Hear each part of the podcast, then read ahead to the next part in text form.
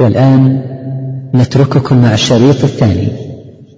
الحمد لله رب العالمين والصلاة والسلام على نبينا محمد المبعوث رحمة للعالمين وعلى آله وصحبه أجمعين. وبعد فقد قال المصنف رحمه الله تعالى في كتابه الشمائل المحمدية في الباب الثالث ما جاء في شعر رسول الله صلى الله عليه وسلم عن أنس بن مالك رضي الله عنه قال كان شعر رسول الله صلى الله عليه وسلم إلى نصف أذنيه وفي طريق أخرى أنصاف أذنيه.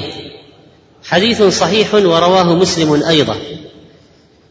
وقوله إلى أنصاف أذنيه لا ينافي الأحاديث الدالة على أن شعره كان يبلغ منكبيه. وذلك لأن شعر الرأس تتفاوت أحواله. ومن حكى له صفة معينة في الطول فإنه يحكي ما رآه أو ما ظنه الغالب على شعر النبي صلى الله عليه وسلم. وذهب الإمام النووي رحمه الله تبعا للقاضي عياض إلى أن الروايات المختلفة في طول شعر النبي صلى الله عليه وسلم يجمع بينها بأن ما يلي الأذنين هو الذي يبلغ شحمة أذنه. الشعر القريب من الأذن يبلغ شحمة أذنه وما خلفه الشعر الخلفي يضرب المنكبين. جمعوا بأن قالوا الشعر الذي عند الأذن يبلغ شحمة الأذن والشعر في الخلف يضرب المنكبين. وبعضهم قال إنه عليه الصلاة والسلام كان شعره يطول وقبل ذلك يكون أقصر فحكى كل واحد ما راه وكان عليه الصلاة والسلام لا يحلق رأسه إلا في العمرة والحج. وأيضا في الحجامة مثلا. وعن عائشة قالت كنت أغتسل أنا ورسول الله صلى الله عليه وسلم من إناء واحد وكان له شعر فوق الجمة ودون الوفرة. حديث صحيح. والجمة هو الشعر النازل على المنكبين والوفرة ما بلغ شحمة الأذن. أيهما أطول الجمة أم الوفرة؟ ها الجمة أطول من الوفرة. قال المبارك فوري رحمه الله في التحفة في شرح الترمذي وهذا بظاهره يدل على أن شعره صلى الله عليه وسلم كان أمرا متوسطا بين الجمة والوفرة. ليس بجمة ولا وفرة. لكن جاء في بعض الروايات أنه صلى الله عليه وسلم كان له جمة ولعل ذلك باعتبار اختلاف أحواله صلى الله عليه وسلم. وفي الحديث الإشارة إلى صفة شعر النبي صلى الله عليه وسلم وإلى طوله. وفي الحديث اغتسال الزوجين معا في إناء واحد. وفي الحديث جواز نظر كل من الزوجين إلى عورة الآخر. وفيه أن اغتسال الزوجين معا أو رؤية أحدهما ما يظهر من الآخر عند الغسل لا ينافي الحياء ولا مكارم الأخلاق لأن النبي عليه الصلاة والسلام أولى به. ولو كان من العيب أن تغتسل المرأة مع زوجها ما فعله رسول الله صلى الله عليه وسلم. ولو كان الأدب أن يستر الرجل عورته من زوجته عند الغسل والعكس لفعله النبي عليه الصلاة والسلام ولا أمر به. فلما نقلت عائشة رضي الله عنها أنها كانت تغتسل مع رسول الله صلى الله عليه وسلم من إناء واحد دل ذلك على أن هذا الأمر مباح لا حرج فيه. وفي هذا بيان حسن خلق النبي صلى الله عليه وسلم وتعامله مع أهله وحسن عشرته لهم ولا هو الذي كان يقول لها وتقول له دع لي دع لي. وفي الحديث أن الجنب يجوز أن يمد يده إلى الإناء الذي يغتسل منه وأن هذا وأن هذه المباشرة للماء في الإناء من قبل الجنب لا تنجس الماء ولا تؤثر في طهوريته ولا في صلاحيته لإزالة الحدث. وكذلك فإنه قد جاء في الصحيحين ما يبين هذا بمزيد وضوح وهو كنت أغتسل أنا ورسول الله صلى الله عليه وسلم من إناء واحد تختلف أيدينا فيه من الجنابة تختلف أيدينا فيه يغتسلان مما من الجنابة. وفي الحديث استحباب التقلل من الماء عند الاغتسال لأن النبي صلى الله عليه وسلم كان يغتسل وزوجه عائشة من إناء واحد. وجاء في بعض الروايات من قدح يقال له الفرق. وعن أم هانئ رضي الله عنها بنت أبي طالب قالت قدم رسول الله صلى الله عليه وسلم مكة وله أربع غدائر وفي رواية وله أربع ضفائر. والغدائر جمع غديرة. والضفائر جمع ضفيرة وكل من الضفيرة والغديرة بمعنى الذؤابة. وهي الخصله من الشعر إذا كانت مرسلة فإذا كانت منويه فتسمى عقيصة. وفي الحديث مشروعية اتخاذ الشعر وإطالته وجعله ضفائر إذا كان هذا مما يعتاده أهل بلده ولا يخرجه إلى حد الشهرة. قال ابن مفلح رحمه الله يسن أن يغسل شعره وأن يسرحه ويفرقه ويجعله الرجل إلى منكبيه أو إلى فروع أذنيه أو شحمتيهما ولا بأس أن يجعله ذؤابة. قال وينبغي أن يقال يعني هذا الكلام يقيد يقيد. بماذا يقيد؟ يقال إن لم يخرج إلى شهرة أو نقص مروءة. أو ازراء بصاحبه ونحو ذلك. يعني في أماكن مثلا نحن نلاحظ في بعض الأماكن مثلا بعض المناطق الجبلية. طبيعي جدا تطويل الشعر. طبيعي هذا هذا من عادتهم ومن طبعهم تطويل الشعر. بعض سكان المناطق الجبلية مثلا مثل ما نجد في تهامة مثلا. طبيعي.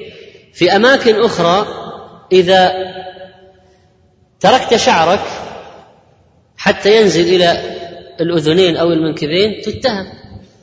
تتهم. وفيه إزراء عليك وعلى المروءة. فلذلك قال قيدا مهما. ابن مفلح رحمه الله ذكر قيدا مهما. قال إن لم يخرج إلى شهرة. يعني في مكان مثلا كل الناس يأخذون من شعرهم. إذا واحد ترك الشعر شهرة يلفت الأنظار. لو كان بين الناس رفع الناس أبصارهم إليه ما بال هذا يخالف كل المجموعة كل الناس أكثر الناس. قال إن لم يخرج إلى شهرة أو نقص مروءة أو إزراء بصاحبه ونحو ذلك كما قالوا في اللباس. في بعض المناطق اللباس عادي جدا. لو لبست نفس اللباس في منطقة أخرى يكون لباس شهرة وإزراء ونقص مروءة وتتهم. الآن مثلا ما رأيكم باللباس الأندنوسي مثلا؟ هذه القبعة المميزة وهذا اللباس. في أندنوسي هذا اللبس عادي جدا. لكن لو جاء واحد لبسه هنا واحد من أهل البلد جاء يمشي به ويدخل ويخرج من مكان إلى مكان وفي الشوارع. ماذا يقال عنه؟ يرفع الناس أبصارهم إليه. ما هذه المخالفة لما حوله؟ ما هذه المخالفة للباس البلد؟ فيصبح هذا اللباس الذي هو عادي جدا هناك يصبح هنا لباس شهرة ومنقصة وإزراء ونقص مروءة. ولذلك لا بد أن يراعي الإنسان لباس أهل بلده ونقصد به اللباس المباح. قال وعن ابن عباس رضي الله عنهما أن رسول الله صلى الله عليه وسلم كان يسدل شعره وكان المشركون يفرقون رؤوسهم فكان أهل الكتاب يسدلون رؤوسهم وكان يحب موافقة أهل الكتاب فيما لم يؤمر فيه بشيء. ثم فرق رسول الله صلى الله عليه وسلم رأسه. حديث صحيح ورواه الشيخان. ما معنى يسدل شعره؟ يعني يترك شعر ناصيته على جبهته. الشعر يتدلى ينزل يسدله إسدالا. قال النووي رحمه الله إرساله على الجبين واتخاذه كالقصة. وقوله ثم فرق بعد أي ألقى شعر رأسه إلى جانبي رأسه فلم يترك منه شيئا على جبهته. سرح هكذا وهكذا ولم يتركه ينسدل على جبهته بل فرقه يمينا وشمالا فرقه. قوله وكان يحب موافقة أهل الكتاب لأنه عليه الصلاة والسلام كان بمكة بين أهل أوثان عباد أصنام. من هم أقرب الناس إليه من أهل الأديان؟ أهل الكتاب. فكان في الأشياء التي لم يؤمر فيها بشيء يوافقهم لعل عندهم شيء من آثار النبوة التي كانوا عليها. وهذا فيما لم يخالف شرعه لأن أهل الكتاب في ذلك الزمن كانوا متمسكين ببقايا. بعض الأشياء الباقية من شرائع الرسل. فكان أن يوافقهم وهو بمكة. أحب إليه من أن يوافق عبدة الأوثان. فلما أسلم غالب عباد الأوثان أحب النبي صلى الله عليه وسلم أن يخالف أهل الكتاب. قال النووي رحمه الله قال العلماء والفرق سنة لأنه الذي رجع إليه النبي صلى الله عليه وسلم. الفرق سنة فرق الشعر لأنه كان آخر الأمرين من طريقته عليه الصلاة والسلام في شعره. قالوا فالظاهر أنه إنما رجع إليه بوحي لقوله إنه كان يوافق أهل الكتاب فيما لم يؤمر به. معنى ذلك لما غير معناها أنه إيش؟ أمر بشيء. قال القاضي حتى قال بعضهم نسخ السدل فلا يجوز فعله ولا اتخاذ الناصية والجمة. قال هذا قول البعض لكن لا لا يشترط أن هذا هو الراجح. قال ويحتمل أن المراد جواز الفرق لا وجوبه. ويحتمل أن الفرق كان باجتهاد في مخالفة أهل الكتاب لا بوحي وكان الفرق مستحبا. ولهذا اختلف السلف فيه. ففرق منهم جماعة واتخذ اللم آخرون. وقد جاء في الحديث أنه كان للنبي صلى الله عليه وسلم لمة فإن انفرقت فرقها وإلا تركها. قال مالك فرق الرجل أحب إلي. هذا كلام القاضي. قال النووي والحاصل خلاصة أن الصحيح المختار جواز الفرق والسدل. جواز الفرق والسدل وأن الفرق أفضل. هذه الخلاصة. هذا جائز وهذا جائز والفرق أفضل. طبعا هذا الذي عنده شعر والذي ما عنده شعر الحمد لله على كل حال. وقال شيخ الإسلام ابن تيمية رحمه الله فيما تضمنه هذا الحديث من موافقة أهل الكتاب في أول الأمر. قال كان هذا متقدما ثم نسخ الله ذلك وشرع له مخالفة أهل الكتاب وأمره بذلك. وفي متن هذا الحديث أنه سدل شعره موافقة لهم ثم فرق شعره بعده قال ولهذا صار الفرق شعار المسلمين وكان من الشروط على أهل الذمة أن لا يفرقوا شعورهم. قال القاضي واختلف العلماء في تأويل موافقة أهل الكتاب فيما لم ينزل عليه شيء. يعني لماذا وافقهم؟ فقيل لعله استئلافا لهم في أول الإسلام. وموافقة لهم على مخالفة عباد الأوثان. فلما أغنى الله تعالى عن استئلافهم وأظهر الإسلام على الدين كله صرح بمخالفتهم في غير شيء منها صبغ الشيب لأن أهل الكتاب لا يصبغون. فصار عليه الصلاة والسلام يصبغ وخالفهم وقال آخرون يحتمل أنه أمر باتباع أمر باتباع شرائعهم فيما وقال آخرون يحتمل أنه أمر باتباع شرائعهم فيما لم يوحى إليه بشيء وإنما كان هذا فيما علم أنهم لم يبدلوه. وقال شيخ الإسلام رحمه الله ومما يوضح ذلك أن كل ما جاء من التشبه بهم إنما كان في صدر الهجرة. ثم نسخ ذلك لأن اليهود إذ ذاك كانوا لا يتميزون عن المسلمين لا في شعور ولا في لباس لا بعلامة ولا غيرها. ثم إنه ثبت بعد ذلك في الكتاب والسنة والإجماع الذي كمل ظهوره في زمن عمر بن الخطاب رضي الله عنه ما شرعه الله من مخالفة الكافرين ومفارقتهم في الشعار والهدى أو في الشعار والهدي في الشعار والهدي. وسبب ذلك أن المخالفة لهم لا تكون إلا بعد ظهور الدين وعلوه.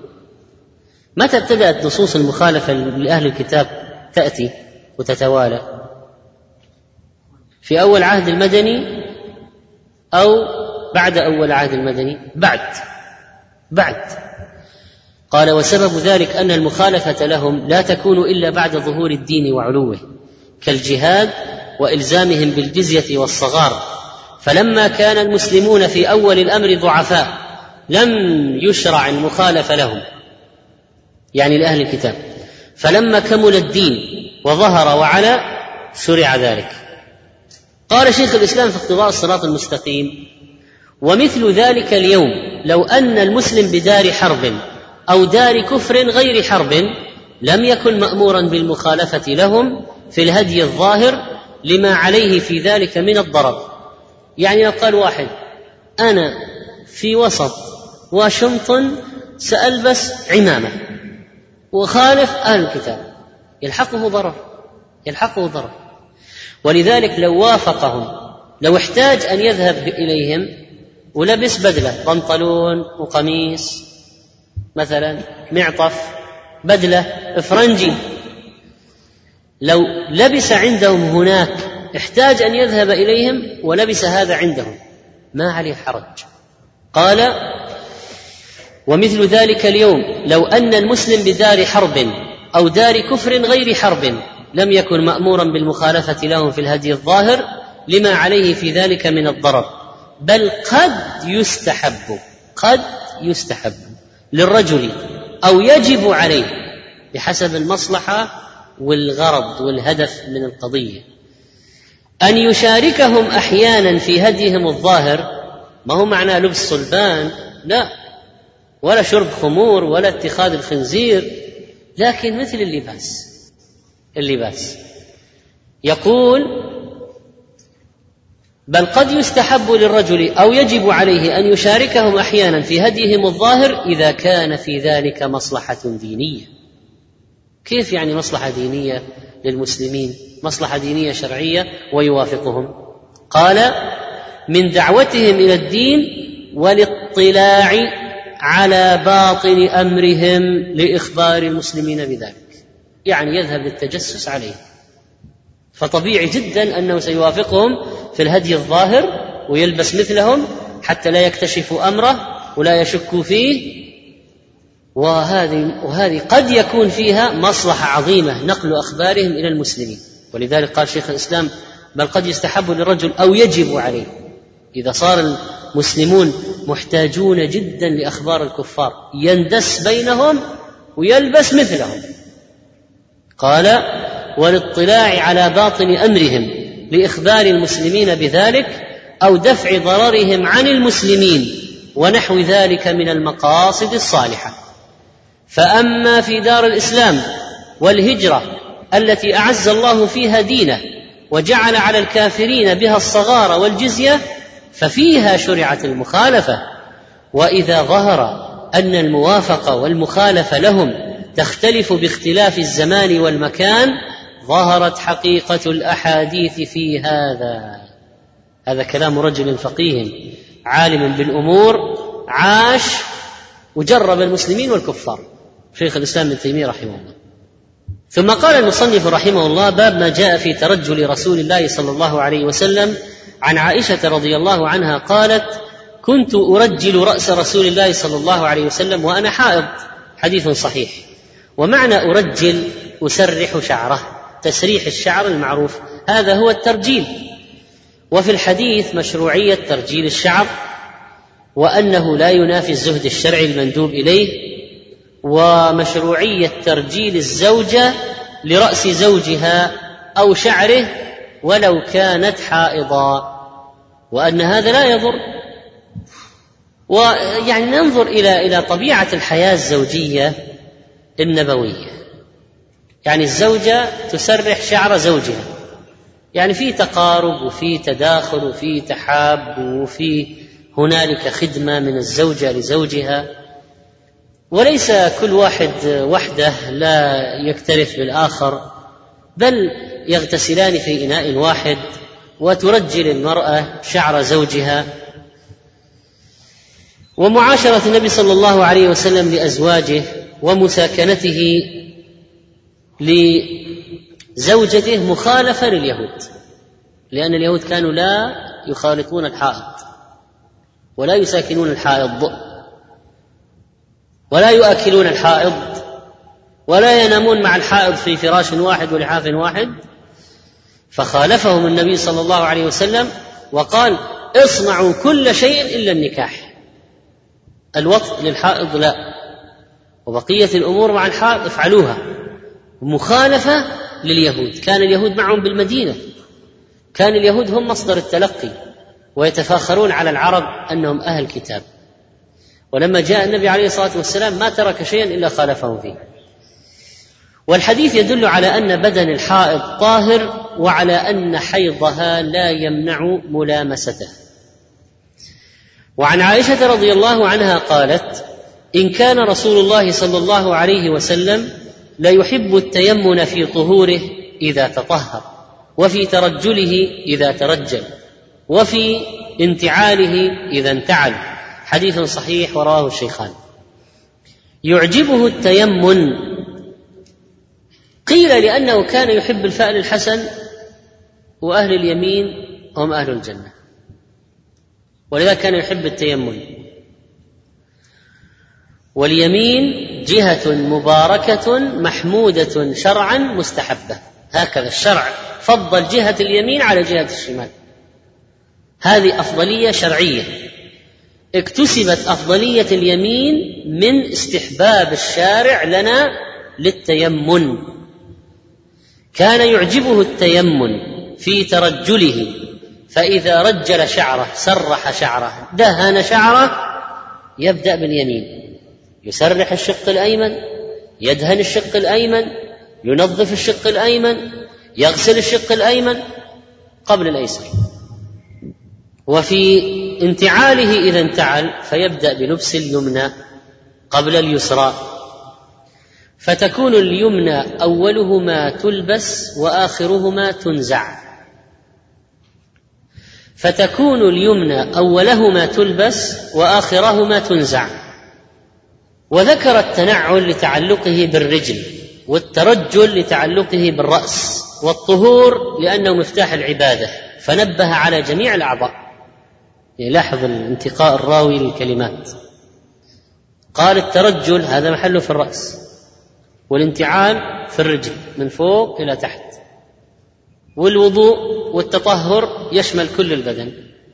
وحتى لو واحد أراد أن يلبس يلبس الكم الأيمن قبل الأيسر. وحتى المرأة إذا أرادت أن تلبس حليا تلبس تضع تضع القرط الأيمن قبل القرط الأيسر. والسوار الأيمن قبل السوار الأيسر مثلا. التيمن في كل أمر طيب يبدأ باليمين. قال النووي رحمه الله هذه قاعدة مستمرة في الشرع لأنه قد جاء في رواية وفي شأنه كله يعجبه التيمن في شأنه كله. خلاص اذا الآن أنت تبدأ من اليمين في شأنك كلك من الأمور الطيبة. وهذا كما قال النووي رحمه الله محله فيما كان من باب التكريم والتشريف. كلبس الثوب والسراويل. يعني الآن بعض الناس إذا أراد أن يلبس السراويل بعضهم يدخلهم مع بعض. طيب إذا قال في سنة في الموضوع نقول في سنة في الموضوع. سنة عليها أجر يعني. ابدأ بالسروال الأيمن. لأن السروال هذه الفردة الواحدة سروال. الثنتين سراويل والجمع سراويلات. لكن الناس يقولون سروال. السروال كأنك قصيته بالنص. هذه هذه الفردة الواحدة سروال في اللغة سراويل.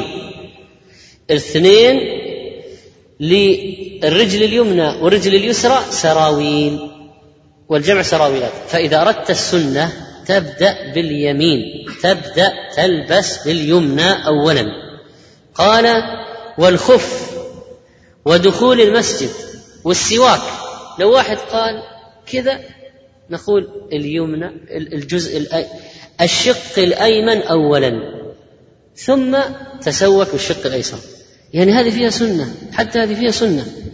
قال ودخول المسجد والسواك والاكتحال وتقليم الأظفار ابدأ بأصابع اليد اليمنى وقص الشارب ابدأ بالشارب الأيمن. وترجيل الشعر وهو مشطه. ونتف الإبط. نتف الإبط. يبدأ بالإبط الأيمن. وحلق الرأس. يبدأ بالشق الأيمن. والسلام من الصلاة. وغسل أعضاء الطهارة. والخروج من الخلاء. يبدأ بأي رجل؟ الخروج. باليمنى. والدخول؟ قال والأكل والشرب والمصافحة واستلام الحجر الأسود يعني كله باليمنى. وغير ذلك مما هو في معناه يستحب التيامن فيه. هذا في باب إيش؟ التكريم والتشريف.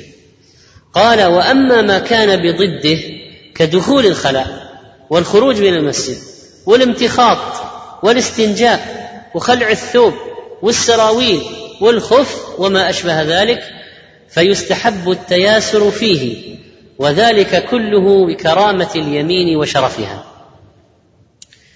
وأجمع العلماء على تقديم اليمين على اليسار من اليدين والرجلين في الوضوء وأنه سنة.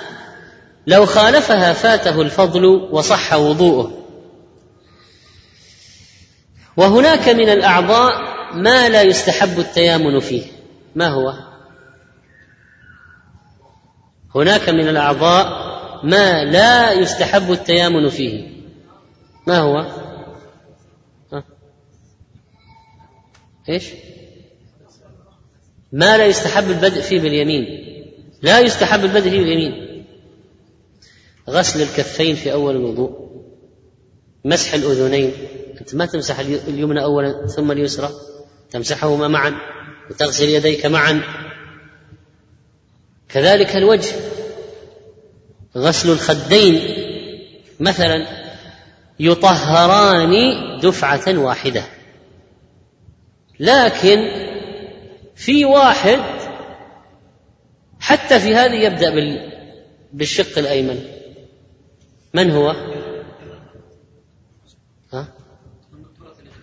أيوه أقطع أقطع اليد. إذا كانت إحدى يديه مقطوعة. فهذا لا يستطيع أن يغسل الاثنين مع بعض. فلذلك يغسل الأيمن ثم الأيسر. فقالوا في حق الأقطع حتى في هذه يبدأ فيه لأن لا يستطيع أن الأقطع اللي إحدى يديه مقطوعة ما يمكن أن يمسح الأذنين معا في وقت واحد. فهذا يمسح اليمنى ثم اليسرى. قال وعن عبد الله بن مغفل قال نهى رسول الله صلى الله عليه وسلم عن الترجل إلا غبة. قال القاضي أصل الغب في إيراد الإبل أن ترد الإبل الماء يوما وتدعه يوما. أن ترد الإبل الماء يوما وتدعه يوما. والمراد به هنا أن يسرح شعره يوما ويترك يوما. وقال صاحب عون المعبود قيل المراد به في وقت دون وقت. والمقصود من الحديث أن الإنسان لا يجعل شعره همه ولا يكاد يغادر المرآة وساعات أمام المرآة وساعات عند الحلاق. الآن عند الحلاقين هي غبة هذا هذا يعب من ذكاكين الحلاق. والمراد النهي عن المبالغة في الاهتمام في التزين والرفاهية والتهالك في التحسين والحرص البالغ على المنظر وإنفاق الأوقات والأموال لما ثبت عن فضالة بن عبيد عند أبي داود أنه قال إن رسول الله صلى الله عليه وسلم كان ينهانا عن كثير من الإرفاه. وهذا حديث يحتاج أن يعرفه اليوم الشباب. كان ينهانا عن كثير من الإرفاه فالمبالغة في الترفه والتزين هذه وضاعة الأوقات والأموال هذه منافية للسنة. قال الشيخ ولي الدين العراقي رحمه الله نهى رسول الله صلى الله عليه وسلم أن يتمشط أحدنا كل يوم وهو حديث نهى عن الترجل إلا غبا. هو نهي تنزيه لا تحريم والمعنى فيه أنه من باب الترفه والتنعم فيجتنب. ولا فرق في ذلك بين الرأس واللحية. قال ولا فرق في ذلك بين الرأس واللحية. قال فإن قلت روى الترمذي في الشمائل عن أنس قال كان رسول الله صلى الله عليه وسلم يكثر دهن رأسه وتسريح لحيته. قلت لا يلزم من الإكثار لا يلزم منه التسريح كل يوم بل الإكثار قد يصدق على الشيء الذي يفعل بحسب الحاجة. يفعل بحسب الحاجة يقال عنه إكثار. فإن قلت نقل عنه أنه كان يسرح لحيته كل يوم مرتين قلت لم أقف على هذا بإسناد ولم أر من ذكره إلا الغزالي في الإحياء ولا يخفى ما فيه من الأحاديث التي لا أصل لها والعراقي تتبع أحاديث الإحياء وله في تخريجها كتاب مطبوع على هامش الاحياء المغني عن حمل الأسفار في الأسفار في تخريج ما في الأحياء من الأحاديث والآثار. فكتاب العراقي جيد مطبوع بحاشية كتاب الغزالي. هذا ما تيسر ذكره في هذا الدرس من أحاديث الشمائل وسنواصل الموضوع وسنواصل الحديث في هذا الموضوع بمشيئة الله وصلى الله على نبينا محمد. الحمد لله رب العالمين وصلى الله على نبينا محمد وعلى آله وصحبه أجمعين. وبعد فقد قال المصنف رحمه الله تعالى باب ما جاء في شيب رسول الله صلى الله عليه وسلم. عن قتادة قال قلت لأنس بن مالك هل خضب رسول الله صلى الله عليه وسلم؟ قال لم يبلغ ذلك. إنما كان شيبا في صدغيه ولكن أبو بكر رضي الله عنه خضب بالحناء والكتم. حديث صحيح متفق عليه. والخضب هو تلوين الشعرة الشعر بالحمرة. والصدغ هو ما بين العين والأذن. هذه المنطقة التي بين العين والأذن هذه الصدغ تسمى صدغا. فيقول في الحديث هل خضب رسول الله صلى الله عليه وسلم؟ قال لم يبلغ ذلك إنما كان شيبا في صدغيه. ولكن أبو بكر رضي الله عنه خضب بالحناء والكتم. والخضاب تلوين الشعر بالحمرة والصدغ ما بين العين والأذن ويسمى الشعر النابت على الصدغ صدغا أيضا وهو المراد هنا. والكتم والحناء ورق يصبغ به والحناء يجعل الشعر أحمر والكتم يجعله أسود مائل إلى الحمرة فليس أسود خالصا وإنما هو أسود مائل إلى الحمرة. وما جاء في الحديث من أن شيب النبي صلى الله عليه وسلم كان في صدغيه يعني هذه الشعرات التي في منطقة الصدغ. وصف بعضهم الشيب هنا في هذه الشعرات. شعرات شيب النبي صلى الله عليه وسلم في هذه الشعرات على ما وصفه بعضهم لكن هذا مخالف لما ورد في البخاري. عن حريز بن عثمان أنه سأل عبد الله بن بسر صاحب النبي صلى الله عليه وسلم قال أرأيت النبي صلى الله عليه وسلم كان شيخا؟ قال كان في عنفقته شعرات بيض. كان في عنفقته هذه الشعرات أسفل الشفة السفلى فاذا الذين قالوا كان الشيب في شعر الصدغ معارض قولهم بحديث البخاري عن عبد الله بن بسر رضي الله عنه أن النبي صلى الله عليه وسلم كان في عنفقته شعرات بيض. والجمع بينهما كما ذكر ابن حجر رحمه الله. ونعيد الأحاديث مرة أخرى. قال المصنف رحمه الله باب ما جاء في شيب رسول الله صلى الله عليه وسلم. عن قتادة قلت لأنس بن مالك هل خضب رسول الله صلى الله عليه وسلم؟ قال لم يبلغ ذلك. إنما كان شيبا في صدغيه. وقلنا الصدغ هو المنطقة التي بين العين والأذن. ولكن أبو بكر رضي الله عنه خضب بالحناء والكتم. وهذا الحديث الصحيح. متفق عليه أيضا. وقلنا الخضاب تلوين الشعر بالحمرة. والكتم والحناء الكتم والحناء كلاهما نبات ورق نباتي يصبغ به. والحناء تجعل الشعر أحمر والكتم يجعل الشعر أسود مائل إلى الحمرة فليس أسود خالصا مائلا ولكنه مائل إلى الحمرة. والحديث الذي فيه أن شيب النبي صلى الله عليه وسلم كان في الصدغين مخالف بحديث البخاري عن حريز بن عثمان أنه سأل عبد الله بن بسر صاحب النبي صلى الله عليه وسلم. قال أرأيت النبي صلى الله عليه وسلم كان شيخا؟ قال كان في عنفقته شعرات بيض. والعنفقة هذا الشعر تبع اللحيه هو تابع للحية. الشعر النابت أسفل تحت الشفة السفلى. فاذا ذاك حديث يقول إن الشيب كان في الصدغين وهذا حديث يقول إنه كان هناك شعرات بيض في العنفقة. فما وجه الجمع بينهما؟ قال الحافظ ابن حجر رحمه الله ووجه الجمع ما وقع عند مسلم من طريق سعيد عن قتادة عن أنس قال لم يخضب رسول الله صلى الله عليه وسلم وإنما كان البياض في عنفقته وفي الصدغين. وفي الرأس نبذ أشياء يسيرة. اذا حديث أنس يجمع الروايات وأنه كان هناك شعرات بيض في العنفقة وكان هناك شعرات بيض في شعر الصدغين وكانت هناك نبذ يسيرة في الرأس. يعني متفرقة نبذ متفرقة يسيرة. وعرف من مجموع ذلك أن الذي شاب من عنفقته أكثر مما شاب من غيرها.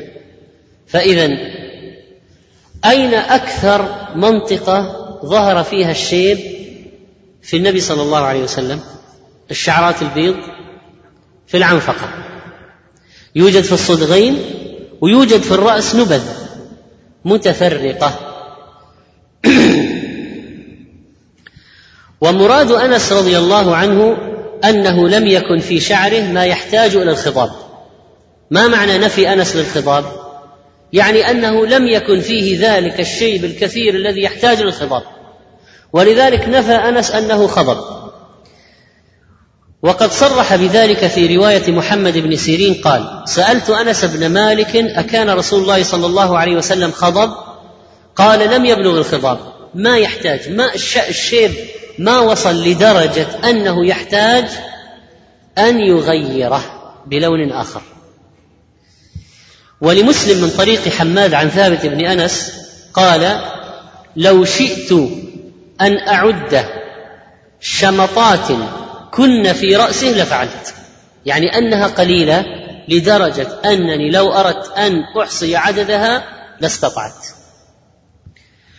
وجاء عند مسلم من حديث جابر بن سمرة فقد شمط مقدم رأسه ولحيته وكان إذا ادهن لم يتبين فإذا لم يدهن تبين فإذا إذا دهن شعره ما تبين الشيب وإذا لم يدهن شعره تبين الشيء. وأما ما الحاكم وأصحاب السنن من حديث أبي رمثة رضي الله عنه قال أتيت النبي صلى الله عليه وسلم وعليه بردان أخضران وله شعر وقد علاه الشيب وشيبه أحمر مخضوب بالحناء.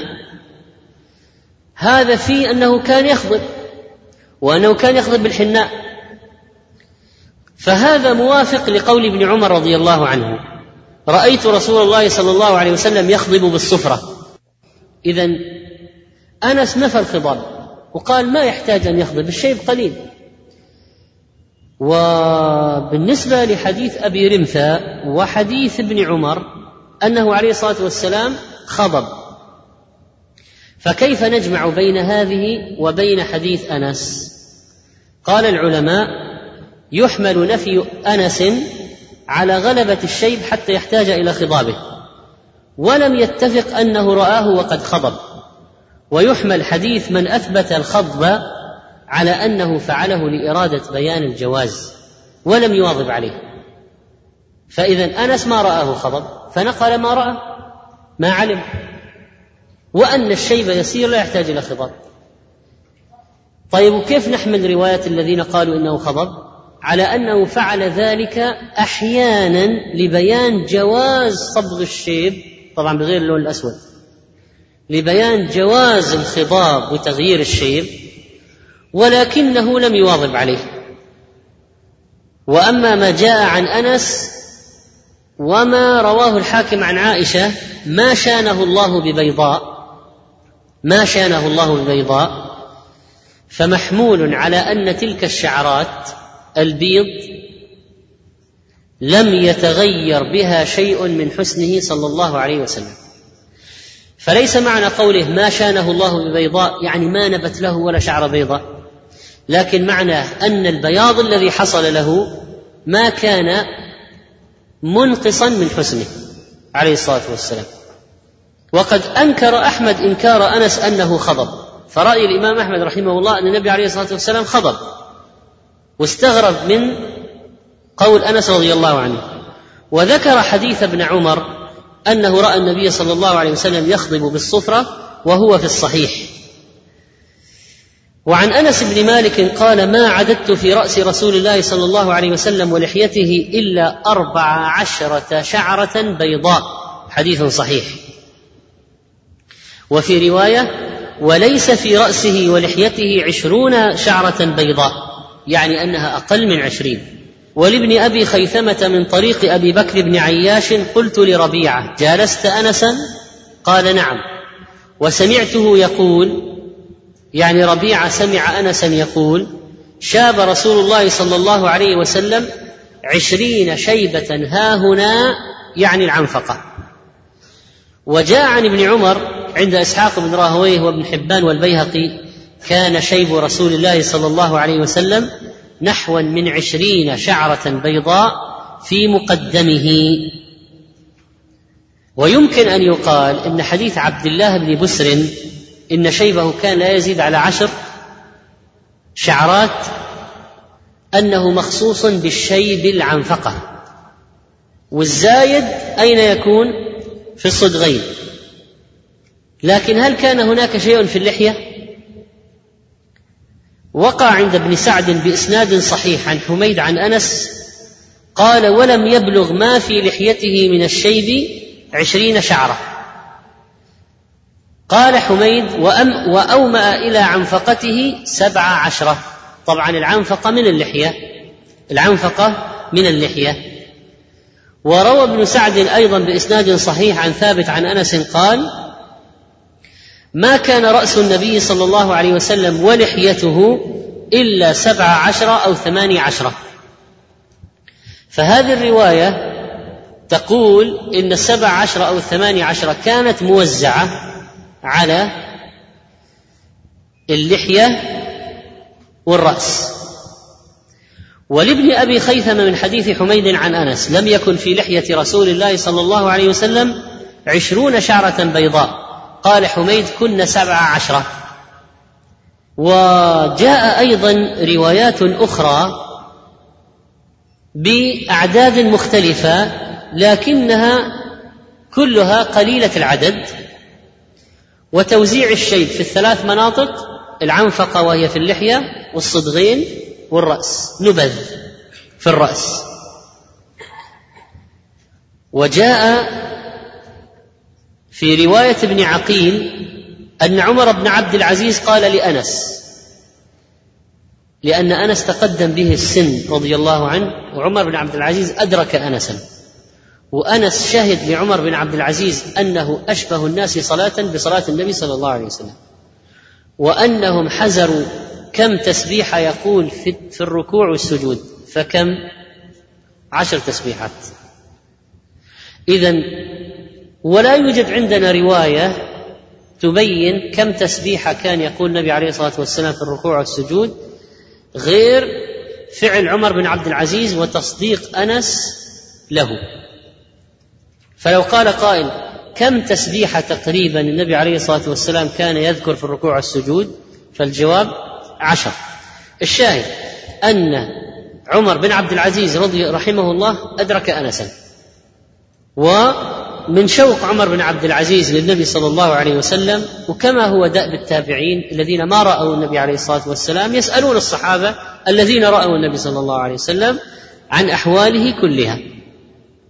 فعمر بن عبد العزيز سأل أنس بن مالك رضي الله عنه هل خضب النبي صلى الله عليه وسلم؟ فإني رأيت شعرا من شعره قد لون.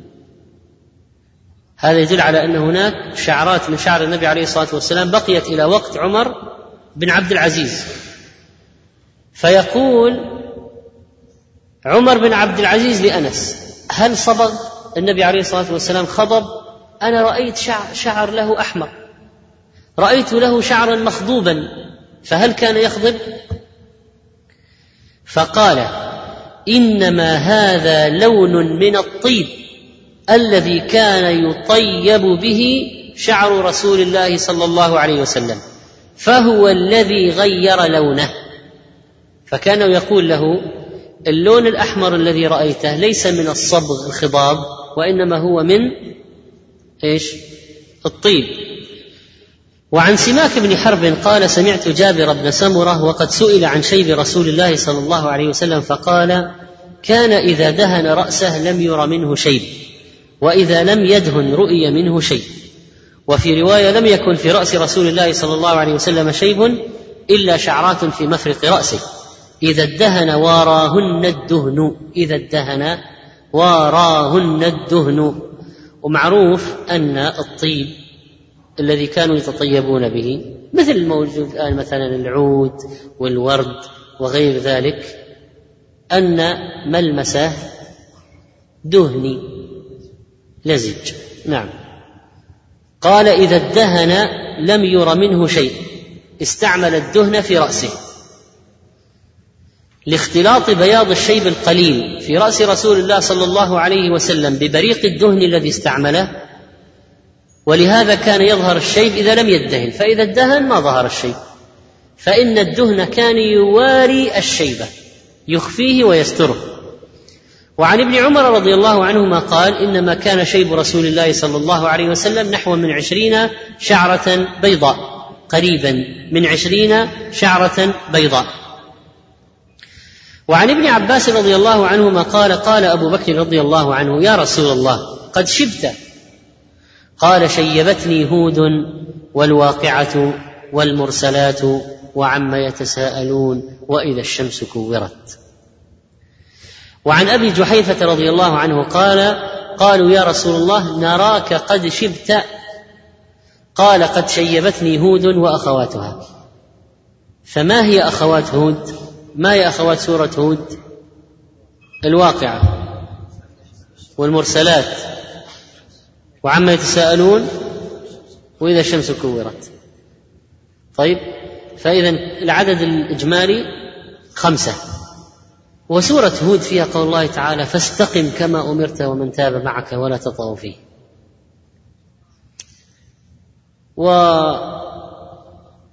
والسور البقية الباقية فيها ذكر أهوال القيامة والنوازل التي حصلت بالأمم الماضية في سورة هود أيضا.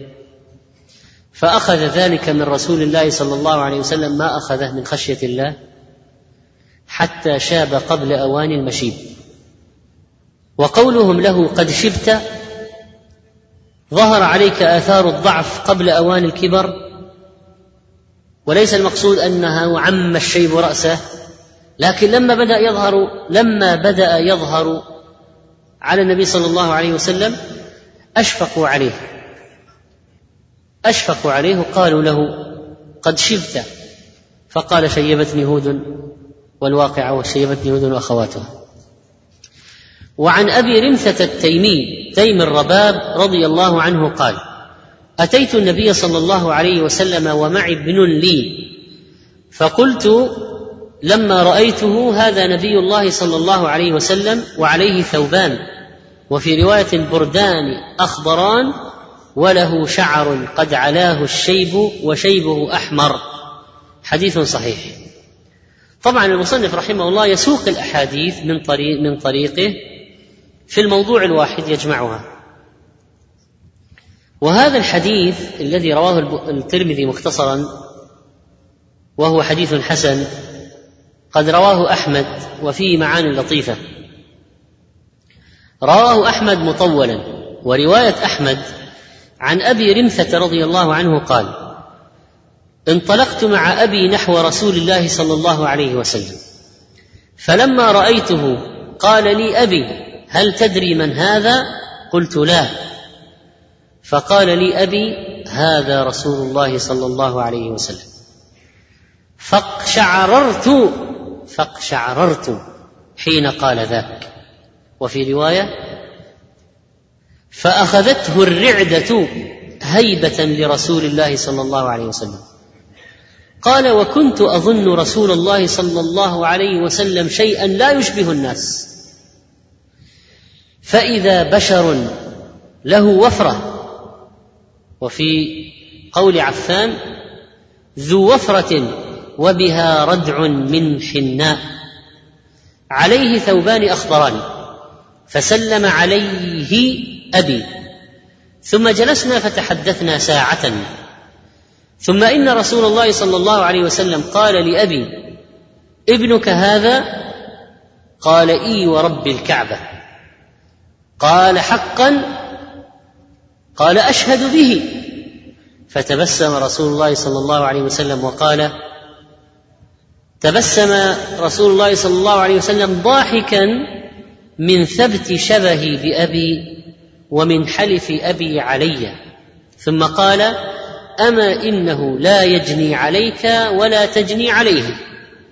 وقرأ رسول الله صلى الله عليه وسلم ولا تزر وازرة وزر أخرى.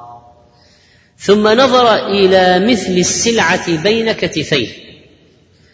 فقال يا رسول الله إني لأطب الرجال ألا أعالجها لك؟ وفي رواية فقلت له يا نبي الله إني رجل طبيب من أهل بيت أطباء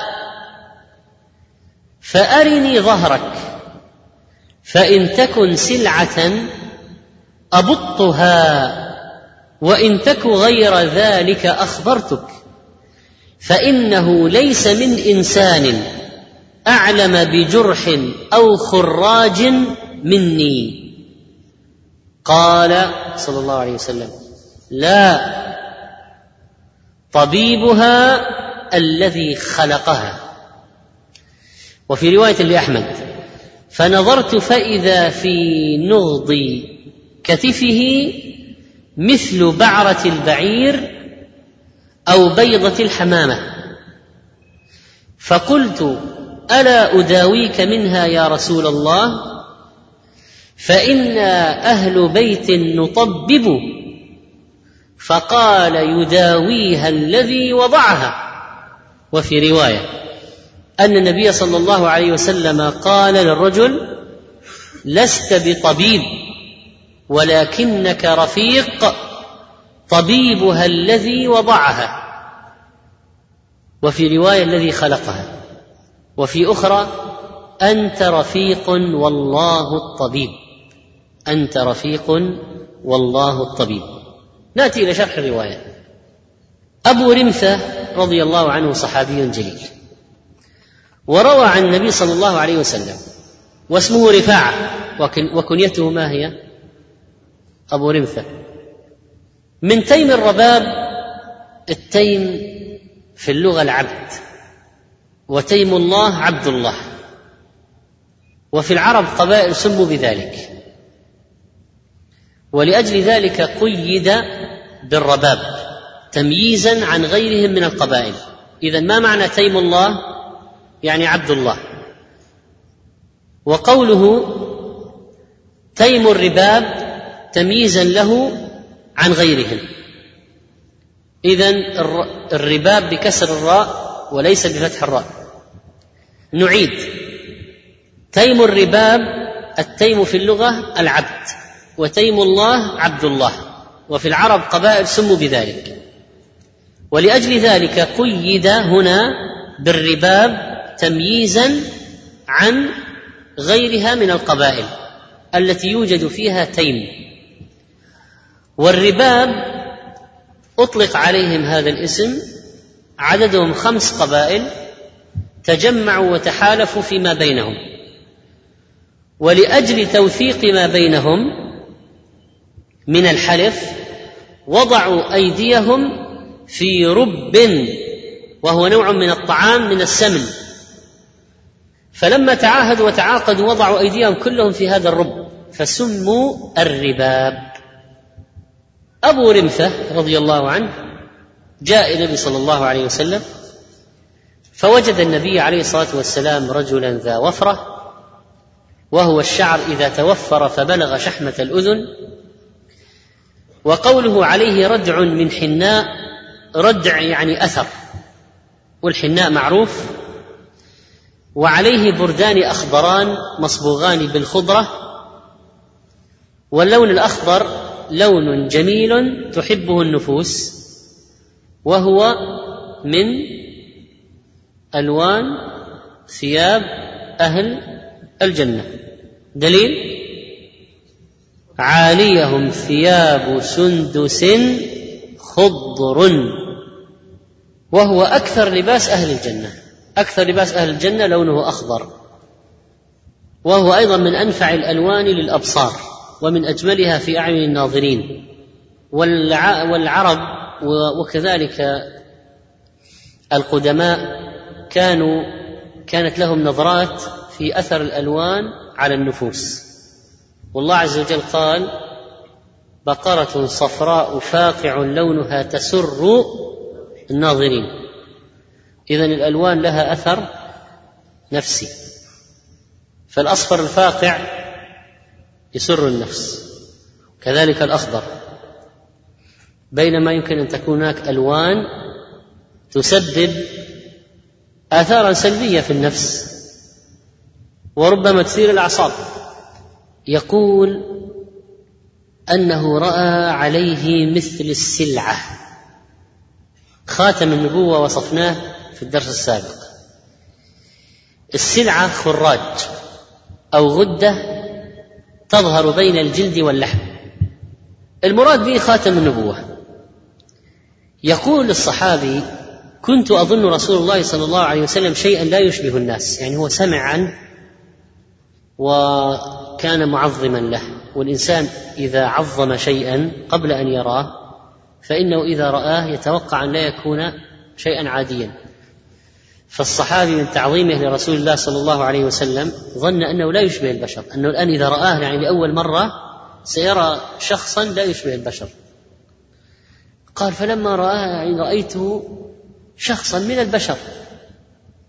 وقد اجتمع في النبي صلى الله عليه وسلم أمر البشرية فهو من بني آدم يأكل ويشرب وينام ويمرض ويموت. والأمر الثاني أنه اختص من بين الناس غير الأنبياء بمنصب النبوة والرسالة وهذا أمر عظيم. فهو لا يشبه الناس من هذه الجهة أما من البشر جهه البشرية والجسد يشبه الناس. ولأجل ما اختص به عليه الصلاة والسلام من منصب النبوة والرسالة ظن الظان أنه لا يشبه البشر في صفاتهم البشرية أو في خلقتهم ولأجل ذلك ظن أبو رمثة أنه لا يشبه البشر بل هو شيء آخر. فلم يفجأه إلا أن رأى النبي صلى الله عليه وسلم بشر من الناس. ظن أبو رمثة رضي الله عنه أن هذا الخاتم خاتم النبوة في ظهر النبي عليه الصلاة والسلام ظنه خراج ظنه غدة ظنه شيئا مؤذيا. فقال أنا طبيب من أهل بيت أطباء دعني أنظر فيها فإن كانت تحتاج إلى إخراج ما فيها من القيح يعني غده فأبطها وأخرج ما فيها من القيح وأنظفها. والنبي عليه الصلاة والسلام يعلم أن هذه ليست غدة مليئة بالقيح والصديد ولا هذا خاتم النبوة. من أدلة النبوة هذا الذي بين كتفي أقرب إلى الكتف الأيسر وعرفنا أن هذا لونه من لون جلد عليه الصلاة والسلام. إلى الحمرة الغدة هذه أو الانتفاخ هذا وأنه لم يكن تشويها. هي نقطة مهمة جدا. خاتم النبوة ليس تشويها في ظهر النبي عليه الصلاة والسلام بل هو آية وعلامة من علامات نبوته عليه الصلاة والسلام. ولما الرجل يعني قال أنا طبيب ونحن من آل بيت أطباء إلى آخره قال عليه الصلاة والسلام لست لست قال أنت رفيق والله الطبيب طبيبها الذي خلقها معنى ذلك العالم بها الذي خلقها أنت ما عرفت حقيقتها. أنت لو كنت خبيرا أنت ما عرفت أن هذا خاتم النبوة وليس بغدة ولا خراج ولا انتفاخ بقيح أو صديد وإنما هي آية النبوة. وفي الحديث صفة شيب النبي صلى الله عليه وسلم وأنه ربما صبغه بالحناء فصار أحمر من الصبغ وبيان أدب العالم أدب المتعلم في مجلس العالم وأنه يبدأ بالسلام إذا دخل ولقوله فسلم عليه أبي ثم جلسنا وأدب النبي صلى الله عليه وسلم في تعليمه وسأله عن ابنه مع وضوح شبهه به وليكون الحكم أوضح وأثبت في الذهن وفي هذا هدم قاعدة من قواعد الجاهلية الذين كانوا يأخذون الإنسان بذنب غيره ويحدث كثيرا في الأحلاف ومن صوره الثأر الجاهلي فإذا قتل الولد ممكن يقتلون أباه وإذا أب قتل واحد ممكن يقتلون الابن. بسبب يعني الأب هو القاتل يقتلون ابنه والابن هو القاتل يقتلون الأب. ثارات الجاهلية. ولذلك قال لا يجني والد على ولده لا تجني عليه ولا يجني عليك ولا تزر وازرة وزر أخرى ولا يحمل أحد منهما وزر صاحبه حتى لو كان الأب والابن. والحديث فيه بيان رفق النبي صلى الله عليه وسلم بالجاهل وتلطفه في تعليمه فإنه عليه الصلاة والسلام لما أراد أن يعرف الصحابي أن السلعة التي بين كتفيه ليست مما يدركها طبه أو يحيط بها علمه مدح بما عنده من الخير فقال بل أنت رجل رفيق. أنت عندك شفقة ولذلك قمت إليه تقول إذا كانت وإذا كانت. يعني يعرض خدمة الخدمه ويعرض. قال أنت رفيق. طبيبها الذي خلقها. اذا ما معنى السلعة في اللغة؟ خراج أو غدة تظهر بين الجلد واللحم. وهذا الخاتم النبوة ظنه الرجل خراجا أو سلعة وفي الحقيقة أنه خاتم نبوة النبي صلى الله عليه وسلم. هذا والله تعالى أعلم. الحمد لله رب العالمين وصلى الله على نبينا محمد وعلى آله وصحبه أجمعين. وبعد فقد سبق الحديث في الدرس الماضي عن خاتم النبي صلى الله عليه وسلم الذي في ظهره. وكيف أن بعض الصحابة أراد أن يعالجه لظنه غدة أو سلعة وعلة وأن النبي صلى الله عليه وسلم قال طبيبها الذي خلقها وقال له أنت رفيق والله الطبيب. وكذلك فإن النبي صلى الله عليه وسلم كان قد ظهر له شيب في آخر عمره ولكنه لم يكن ليشينه. ما شانه الله تعالى بشيب يعني أنها لم تكن عيبا وليس معناه أنها لم تحدث. وقلنا بأن الصحابة قد عدوا نحو من عشرين شعرة في الشيب من بدن في في لحية النبي صلى الله عليه وسلم في العنفقة وكذلك في الصدغين ونبذ من الشعر. وندخل الآن في الباب الذي يليه وهو الخضاب. فنقول بعد الحمد لله الحمد لله الذي أرسل رسوله بالهدى ودين الحق. والصلاة والسلام على محمد بن عبد الله المبعوث رحمة للخلق. قال الإمام الترمذي رحمه الله باب ما جاء في خضاب رسول الله صلى الله عليه وسلم وذكر فيه طرفا من حديث أبي رمثة السابق وفيه ورأيت الشيب أحمر. أن شيبه كان لونه لما رآه أحمر وكان ذلك من أثر الحناء التي خضب بها على ما قاله البعض. وقال بعضهم إنه من أثر الدهن ولم يكن يخضب. وقد سئل أبو هريرة رضي الله عنه هل خضب رسول الله صلى الله عليه وسلم؟ قال نعم. والحديث صحيح. ولكن الصواب أنه من رواية أم سلمة وليس من رواية أبي هريرة. وفي البخاري وابن ما وفي, وفي البخاري وابن ماجه. عن عثمان بن عبد الله بن موهب قال دخلت على أم سلمة فأخرجت إلينا شعرا من شعر النبي صلى الله عليه وسلم مخضوبا. وفي رواية البخاري أن أم سلمة أرته شعر النبي صلى الله عليه وسلم أحمر. ومعنى مخضوبا قلنا بالحناء والكتم والكتم نبت فيه حمرة يختضب به والحناء معروف. وتقدم في حديث ابن عمر رضي الله عنه أنه عليه الصلاة والسلام خضب بالصفرة وكان ذلك في بعض الأحيان. وأما نفي أنس أنه ما كان يخضب فإنه يحمل على الأكثر من أحواله عليه الصلاة والسلام أنه ما كان يخضب. والأحاديث التي فيها إثبات الخضاب على الأقل وهو أنه كان يخضب تارة بالحمرة تارة بالحمرة الضاربة إلى السواد أو السواد الضارب بالحمره تارة بالصفرة صلى الله عليه وسلم. وقد أخرج مسلم وغيره من حديث جابر بن سمرة قال ما كان في رأس رسول الله صلى الله عليه وسلم ولحيته من الشيب إلا شعرات كان إذا دهن واراهن الدهن فيحتمل أن يكون الذين أثبتوا الخضاب شاهدوا الشعر الأبيض ثم لما واراه الدهن ظنوا أنه قد خضب فهذا جمع آخر إنه ما خضب لكن بالدهن ظنوه خضب. أما الإمام النووي رحمه الله فإنه قال والمختار أنه صلى الله عليه وسلم خضب في وقت دل عليه حديث ابن عمر في الصحيحين وتركه معظم الأوقات. اذا هذا قول المحققين منهم النووي رحمه الله أنه خضب يعني صبغ لكن ليس في أكثر الأوقات. قال وتركه في معظم الأوقات فأخبر كل بما رأى وهو صادق. يعني أنس لما نفى كان صادقا. ابن عمر لما أثبت كان صادقا. ثم قال باب ما جاء في كحل رسول الله صلى الله عليه وسلم وهو الباب السابع.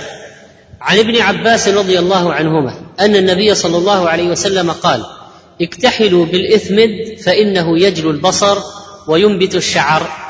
وعن جابر بن عبد الله رضي الله عنهما قال قال رسول الله صلى الله عليه وسلم عليكم بالاثمد عند النوم. يعني قبل أن تناموا استعملوه. فإنه يجلو البصر وينبت الشعر.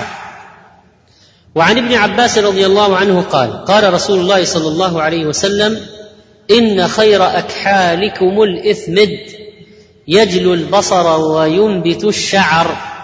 حديث صحيح.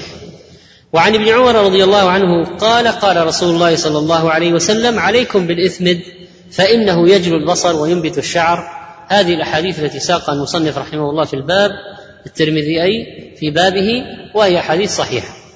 اكتحلوا بالاثمد الاثمد حجر معروف أسود يضرب إلى الحمرة يكون في بلاد الحجاز وأجوده كما قالوا ما يؤتى به من أصبهان ويقال له الكحل الأصفهاني وهو ينشف الدمعة والقروح ويحفظ صحة العين ويقوي غصنها لا سيما للشيوخ والصبيان يعني الكبار والصغار. واختلف في الاثمد هذا هل هو اسم الحجر الذي يتخذ منه الكحل؟ أو هو نفس الكحل؟ الاثمد كلمة اثمد هل هو الكحل ولا الحجر الذي يؤخذ منه الكحل؟ ذكره ابن سيدة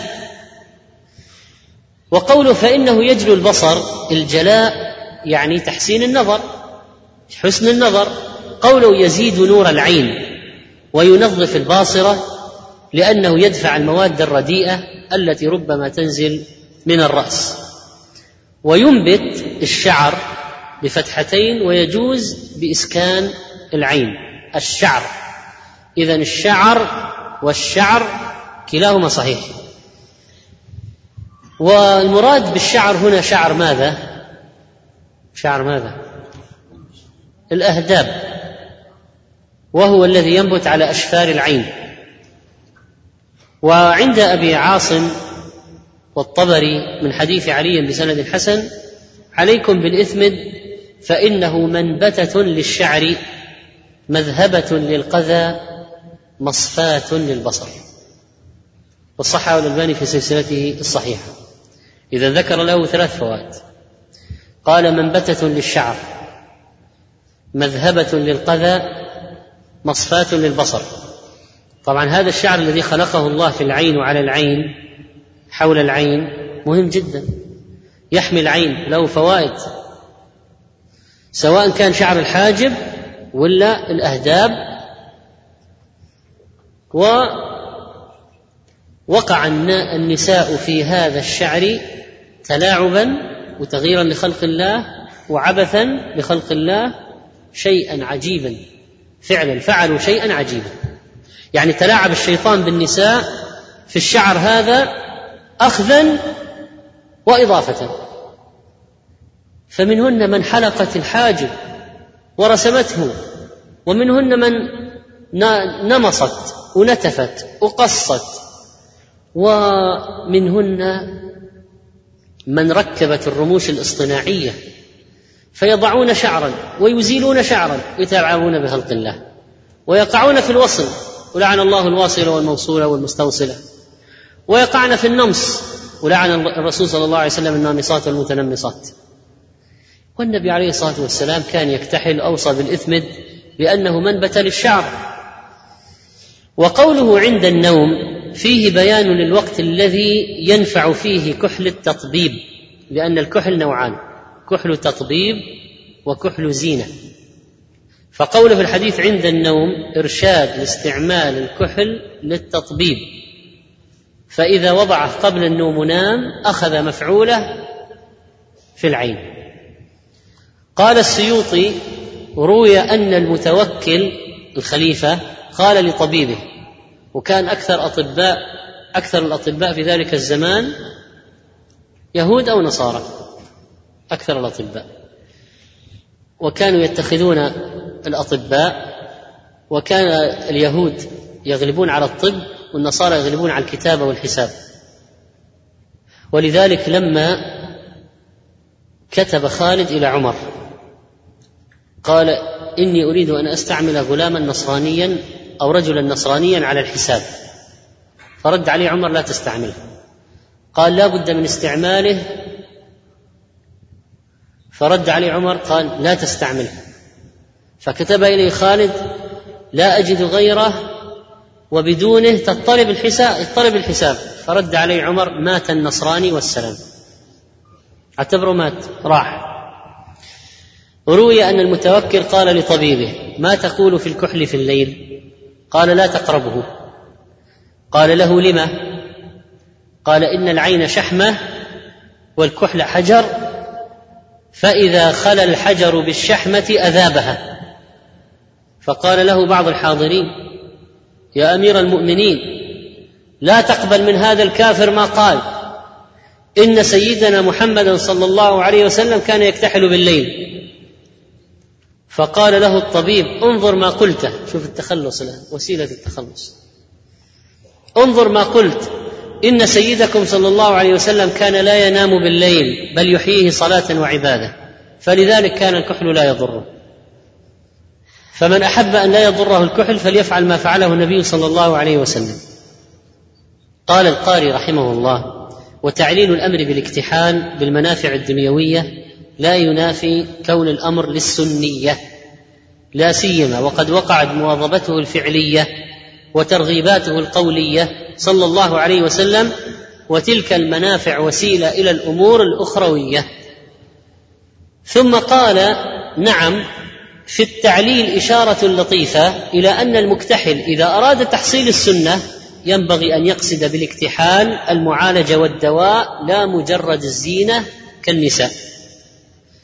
ولهذا ذهب الإمام مالك إلى كراهة الاكتحال للرجال مطلقا إلا للتداوي والله الهادي. والذي يظهر أن تقييد تحصيل السنة بقصد التطبيب أيضا محل نظر فليست الزينة محرمة على الرجال مطلقا. واستعمال النبي صلى الله عليه وسلم للكحل وحثه عليه مما يدل على أن هذه الزينة من حيث الأصل ليست من خصائص النساء. ولعله لذلك قال ابن العربي رحمه الله الكحل يشتمل على منفعتين. إحداهما الزينة فإذا استعمله بنيتها فهو مستثنى من التصنع المنهي عنه. والثاني التطبب فإذا استعمل بنيته فهو يقوي البصر وينبت الشعر. على أنه ينبغي فيما يظهر مراعاة العرف في ذلك وما يؤول إليه من ذلك من الشهرة أو عدمها كما نص على مثل أهل العلم في مواطن كثيرة خاصة في أمر اللباس والله أعلم. اذا قالوا إن هناك زينة لا تختص بالنساء. فمثلا الفضة يستعملها النساء في الزينة؟ سؤال. يستعملها النساء في الزينة. يستعملها الرجال في الزينة؟ نعم. اذا هل الفضة خاصة بالنساء في الزينة؟ لا. أما الذهب خاص بالنساء. طيب الفصوص. الفصوص في الخواتم. الياقوت والزبرجد إلى آخره. هل هذه الفصوص خاصة بالنساء في الزينة؟ لا. يعني ممكن يستعملها الرجال في خواتيمهم؟ نعم. اذا ليست خاصة بالنساء في الزينة. الحناء. هل هو خاص بالنساء في الزينة؟ نعم. إلا التطبب فقد ثبت أن النبي عليه الصلاة والسلام استعمل الحناء في رجليه من وجع بهما. فإذا للزينة الحناء للرجال لا. الزينة في الحناء للرجال لا. والحناء في التطبيب للرجال نعم. الكحل. بعضهم قال لا يضعه الرجل إلا بقصد التطبب وبعضهم قال إن الكحل من النوع من نوع الزينة الذي ليس خاصا بالنساء. لكن هؤلاء قالوا أيضا لابد أن يراعى العرف. فإذا كان لو وضع الكحل الرجل صار شهرة وصار يلفت الأنظار فلا يستعمل. لا يستعمل في الزينة. أما في التطبب يستعمله واصلا قبل النوم الإنسان لا يظهر للناس. ثم إن الإثمد هذا الإثمد له لون معين تجد تعرفه. والكحل أنواع. ثم قال الحافظ ابن حجر بعد أن ذكر الأحاديث التي فيها النص على الاثمد في الكحل قال وفي هذه الأحاديث استحباب الاكتحال بالاثمد ووقع الأمر بالاكتحال وترا في حديث أبي هريرة في سنن أبي داود ووقع في بعض الأحاديث كيفية الاكتحال. وحاصله يعني ملخص الأحاديث هذه ثلاثا في كل عين فيكون الوتر في كل واحدة على حدة. أو اثنتين في كل عين وواحدة بينهما. أو في اليمين ثلاثا وفي اليسرى اثنتين فيكون الوتر بالنسبة لهما جميعا. قال ابن حجر وأرجحهما الأول. يعني ثلاثا في كل عين. إذا أردت تطبق السنة في الاكتحال بالاثمد في العين قبل النوم تضع ثلاثا في كل عين. ثم قال الترمذي رحمه الله تعالى ثامنا باب ما جاء في لباس رسول الله صلى الله عليه وسلم. ثم قال الترمذي رحمه الله تعالى ثامنا باب ما جاء في لباس رسول الله صلى الله عليه وسلم. أي بيان ما ورد في لباس رسول الله صلى الله عليه وسلم من الأخبار. وأردف الأبواب السابقة الترجل والخضاب وغيرها بهذا الباب لأنها جميعا في الحلية الظاهرة وهي أيضا من أنواع الزينه كما قال الباجوري. واللباس تعتريه الأحكام الخمسة. فيكون واجبا كاللباس الذي يستر العورة ويكون مستحبا كالتجمل بالثياب للعيدين والجمعة ومجامع الناس والثوب الأبيض. ويكون محرما كلباس الحرير للرجال ولباس الشهرة للجنسين. حرام. ويكون مكروها كلباس الخلق للغني دائما. يعني واحد دائما غني دائما يلبس ثوب مرقع. إن أثر أين أثر نعمة الله عليك؟ ويكون الثوب مباحا فيما عدا ما تقدم. قال عن أم سلمة رضي الله عنها قالت كان أحب الثياب إلى النبي صلى الله عليه وسلم القميص. حديث صحيح. ما هو وجه الحب هذا؟ وجه أحبية القميص إليه عليه الصلاة والسلام أنه أستر للأعضاء من الإزار والرداء ولأنه أقل مؤونة. وأخف على البدن من الرداء والإزار. اللذين يحتاجان كثيرا إلى الربط والإمساك وغير ذلك. ولأن لبسه أكثر تواضعا كما قال صاحب المرقاة ونيل الأوطار القاري والشوكاني ما هو القميص؟ هو الثوب أشبه شيء به الثوب الذي نلبسه اليوم. هذا هو القميص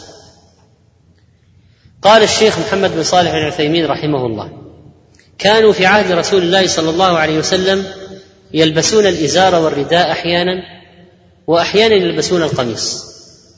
وكان النبي صلى الله عليه وسلم يحب القميص لأنه أستر ولأنه قطعة واحدة يلبسها الإنسان مرة واحدة.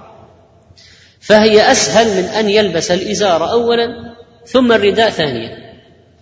ولكن مع ذلك يقول الشيخ لو كنت في بلد يعتادون لباس الأزر والأردية ولبست مثلهم فلا حرج. والمهم ألا تخالف لباس أهل بلدك فتقع في الشهرة.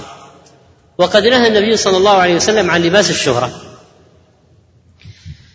قال وعن معاوية بن قرة عن أبيه قال أتيت رسول الله صلى الله عليه وسلم في رهط من مزينة لنبايعه وإن قميصه لمطلق غير مزرر محلول الأزرار. أو قال زر قميصه مطلق قال فأدخلت يدي في جيب قميصه فمسست الخاتم خاتم النبوة. في رهط أي مع طائفة. وفي تأتي بمعنى مع كما في قوله تعالى ادخلوا في أمم يعني مع أمم. والرهط قوم الرجل وقبيلته ويطلق في العدد من الثلاثة إلى العشرة. وقيل إلى الأربعين. أتيت في رهط من مزينة قبيلة من مضر وإن قميصه لمطلق غير مزرور أدخل يده في جيب قميصه. ما هو الجيب؟ قلنا القميص الآن مثل الثوب. ما هو الجيب؟ ما يقطع من الثوب لإخراج الرقبة والأعضاء. ما يقطع من الثوب لإخراج الرقبة واليدين. يعتبر جيبا. يسمى جيبا. قال الحافظ رحمه الله أدخلت يدي إلى آخره يقتضي أن جيب قميصه كان في صدره لما في صدر الحديث أنه رؤي مطلق القميص أي غير مزرور اذا أين ستكون الفتحة؟ في جهة الصدر. و... ونحن نعرف الفتحة الثياب بعض الثياب ترى الفتحة جهة الصدر الفتحة. والازرار قد تكون على هذا الشكل. مثلا تزرر وتكون الأزرار لتوسيع الفتحة ثم تضيق الفتحة بعد اللبس. وقوله فأدخلت يدي ليتمكن من الوقوف على خاتم النبوة ومن هو الصحابي؟ من هو الصحابي؟ لا سلمان جاء في حديث آخر. معاوية. فالحديث لمعاوية ابن قرة أصلا. قال المناوي الظاهر أن معاوية كان يعلم الخاتم وإنما أدخل يده للتبرك بمسه أو للإخبار لإخبار من لم يره أنه لمسه. قوله فمسست أي لمست. الخاتم خاتم النبوة وفي زيادة لأبي داود. قال عروة فما رأيت معاوية ولا ابنه قط إلا مطلقي أزرارهما في شتاء ولا حر ولا يزرران أزرارهما أبدا. رواه أبو داود وحديث صحيح. فالآن السؤال هل ترك التزرير سنة؟ هل ترك تزرير القميص سنة؟ الجواب لا. لأنه فعله للحاجة من حر ونحوه فكك الازرار فك الأزرار. لكن انه يمشي الإنسان بين الناس والأزرار مفكوكة لا. لكن لعل الصحابي وابنه فهم أن ذلك سنة ظن.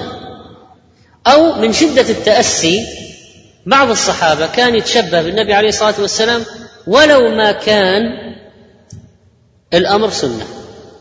يعني ابن عمر ما كان يتعمد أن يذهب يقضي حاجته في المكان الذي قضى فيه النبي عليه الصلاة والسلام حاجته وينزل في الطريق في المكان الذي نزل النبي صلى الله عليه وسلم فيه ويصلي فيعني هذه ليست سنن في السفر من واحد يعني في نفس المكان هذا ونفس المكان هذا.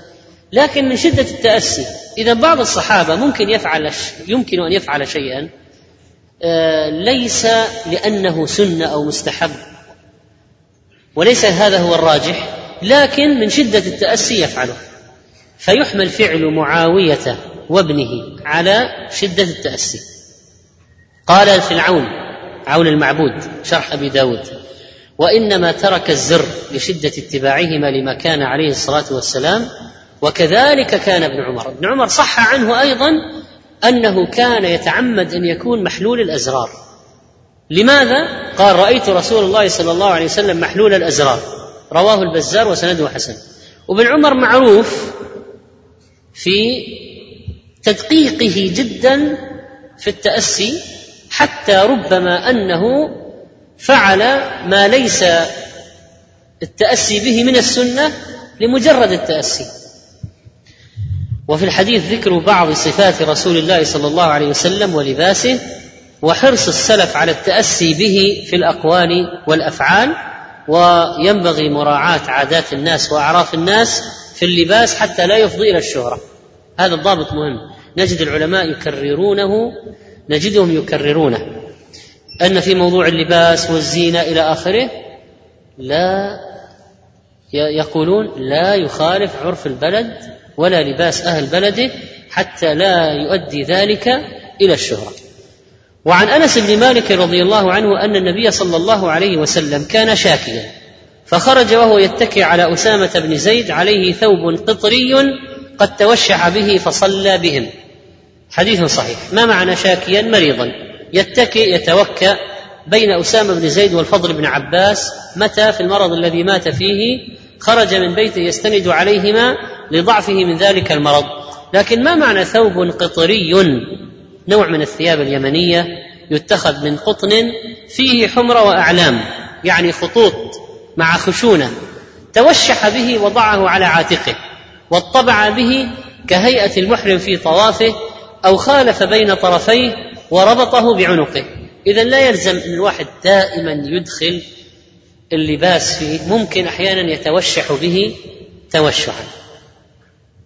قال عبد بن حميد قال محمد بن الفضل سألني يحيى بن معين عن هذا الحديث وأول ما جلس إلي فقال حدثنا حماد بن سلامة فقال لو كان من كتابك يعني بدل لو سمحت يعني بدل ما تعطيني من حفظك أعطيني من الكتاب.